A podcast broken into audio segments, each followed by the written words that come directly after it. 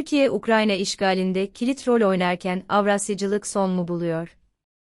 Yazan, Erdi Öztürk Geçtiğimiz günlerde Rusya ve Ukrayna arasında Beşiktaş'taki Cumhurbaşkanlığı Çalışma Ofisi'nde yapılan görüşmelere kendinden emin bir şekilde giren Cumhurbaşkanı Erdoğan salonda karşılaştığı İngiliz futbol kulübü Chelsea'nin eski sahibi Rus oligark Roman Abramovich'e, buradan müjde bekliyoruz. Diyerek ateşkes ve de barışın kendi ev sahipliğinde gerçekleşmesini istediğini belirtti. İtiraf etmek gerekirse Rusya'nın Ukrayna'yı işgal ettiği ilk günlerde çok farklı nedenlerden dolayı iyi pozisyon alamayan ve hatta sıkışmış duruma düşen Türkiye mevcut konjonktür içerisinde iyi bir denge rolü oynamakta. Hoş, eğer Rusya ilerleyen günlerde niyeti daha da bozarak Baltık ülkelerini tehdit ederse NATO üyesi olan Türkiye'yi bu denge politikası kurtarmayabilir ama mevcut durumda bu politika tercihinin Erdoğan'ı hem içeride hem de bir nebzede olsa dışarıda belirli süre idare edeceğini kolaylıkla söyleyebiliriz. Her ne kadar Türkiye Rusya'ya hava sahasını kapatmayan tek NATO üyesi ülke olsa da oligarkların paralarını ve de mallarını Türkiye'de dolaşıma sokacağı iddia edilse de Türkiye şu anda herkes ile konuşabilen, boğazları kontrol edebilen ve de dronlar ile Ukrayna'nın en aktif ve de belki de tek konvansiyonel saldırı silahını sağladığı için hala çok önemli. Hatta bir adım öteye giderek kilit rol oynadığını da iddia edebiliriz. Türkiye'nin dış politika alanında yaptıkları sadece Rusya-Ukrayna ilişkileri ile de sınırlı değil. Her ne kadar NATO zirvesinde Erdoğan beklediği ilgiyi göremese de birçok dünya lideri son zamanlarda kısa da olsa Erdoğan ile görüşmeye Türkiye'ye geliyor. Erdoğan Birleşik Arap Emirlikleri, İsrail ve hatta Mısır ile arasını düzeltmeye çalışıyor. Bunları da kendisinin kontrol ettiği medya ordusu ile yapıyor ki bu sayede içeriye, ben dünya lideriyim, derken dışarıya da, ben sizi siz de beni biliyorsunuz, beni kolay kolay harcamayın zaten harcayamazsınız da, diyor. Buna karşın çok defa söylediğim gibi muhalefet sadece yurt içine sıkışmış bir siyaset izliyor ve Erdoğan'ın hamlelerine karşılık veremiyor. Dış politikada bu denli önemli bir gelişmeler yaşanırken, geride bıraktığımız günlerde Montreux davasında da çoğunluğu NATO karşıtı olan ve de aralarında Mavi Vatan'ın fikir, isim babası bulunan Cem Güldeniz'in de olduğu emekli amiraller için ara karar da çıktı. Ara kararı açıklayan mahkeme başkanı sanıkların yurt dışına çıkış yasaklarını kaldırırken, Cumhurbaşkanlığının davaya katılma talebini de kabul etti. Bu iki olayı beraber okurken insanın aklına şu soru geliyor, Erdoğan ve onun liderliğinde oluşan İslamcı misliyetçi lusalalacı sacılalalacı sacılacılacılalalalam yalamlanın iktidar bloğu kendi içerisinde kopuş mu yaşıyor? Ya da diğer bir deyişle Avrasyacılığın, Mavi Vatan söyleminin sonu geliyor ve Erdoğan seçimlere yaklaşırken yine pragmatik bir şekilde makas değiştirerek Batı'ya aslında ben de sizdenim mesajı mı veriyor? Bir Avrasyacılık var Avrasyacılardan içeri. Bu iki soruya cevap aramak için önemli üç kaynak var. Bunlardan birincisi Erdoğan'ın geçtiğimiz aylarda çıkan Daha Adil Bir Dünya Mümkün adlı kitabı. Bunu söylerken ciddiyim çünkü kitabı satır satır okumuş birisi olarak Erdoğan'ın nasıl ve ne şekilde dünya üzerinde Batı ile iş tutmayan, Müslümanların hamiline oynamak isteyen ve bunu yaparken de küresel olarak alternatif bloklar ile beraber yol yürümeye hazır olduğunu görüyorsunuz. Nedir bu bloklar Çin ve Rusya? Kısacası Batı'dan uzaklaşmak.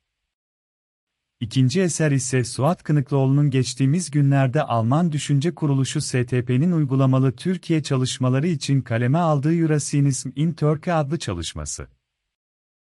İpolik Piper olarak yazılan bu çalışma Türkiye Avrasyacılığın geç Osmanlı erken Cumhuriyet kökenlerine giderek şu anda kimler ile nasıl ve ne şekilde vücut bulduğunu anlatıyor. Bu bağlamda Avrasyacılığında kendi içerisinde kolları olduğunu Cem Gürdeniz ile Doğu Perinçek'in aslında aynı kişi olmadığını aksine farklı düşünsel ya da politik niyetler sebebiyle ayrı kanatları temsil ettiğini vurguluyor. Çalışma aynı zamanda bir şekilde Avrasyacılığın Türkiye'de tarihsel olarak her zaman şekil ve de temsilci değiştirerek var olduğunu ve de bunun böyle devam edeceğini dile getiriyor. Kınıklıoğlu çok açıkça söylemese de sanıyorum bu devamlılığın temel nedeni Türkiye'de yaşayanların çoğunluğunun çok farklı nedenler ile Batı karşıtı olması.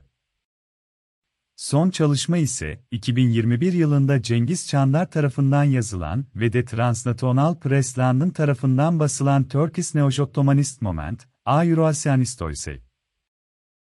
Bu çalışmada Çandar sadece kavramı ilk defa kullanan kişi olarak Türkiye'de yeni Osmanlıcılığın nasıl ve ne şekilde dönüştüğünü değil aynı zamanda da Özal'dan sonra Erdoğan'ın bu kavramı antibatıcılık ve de sübjektif bir tarih okuması ile nasıl Avrasyacılık ile birleştirdiğini kendi gözlemlerine, yaşanmışlıklarına ve de uzmanların yorumlarına dayanarak dile getiriyor.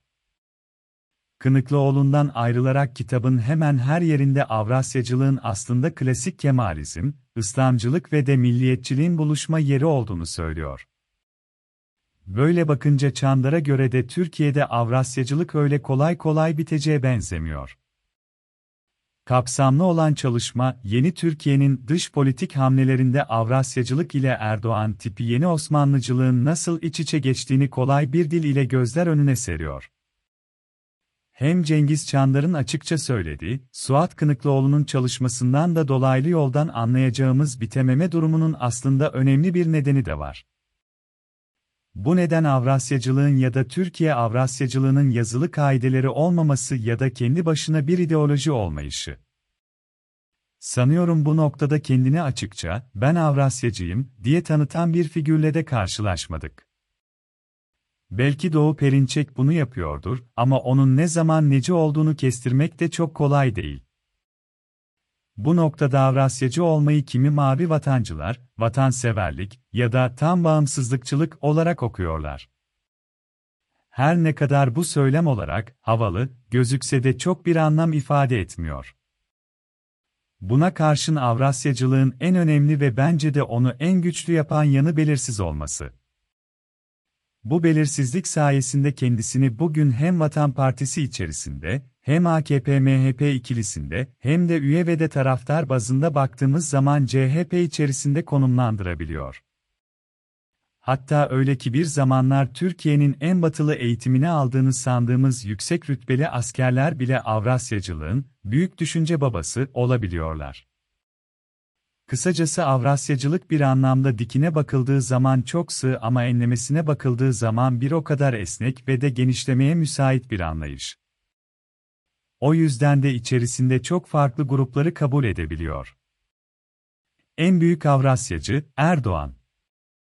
Peki bugün Türkiye'nin babası ya da hakim terminoloji ile reisi olan Erdoğan Avrasyacılığın neresinde duruyor? Bu soruya hatırı sayılır büyüklükte bir kitle, Erdoğan Avrasyacı ya da vatansever falan değil, o çıkarı doğrultusunda pragmatik bir siyaset izliyor, cevabını verebilir. Ben buna katılmıyorum.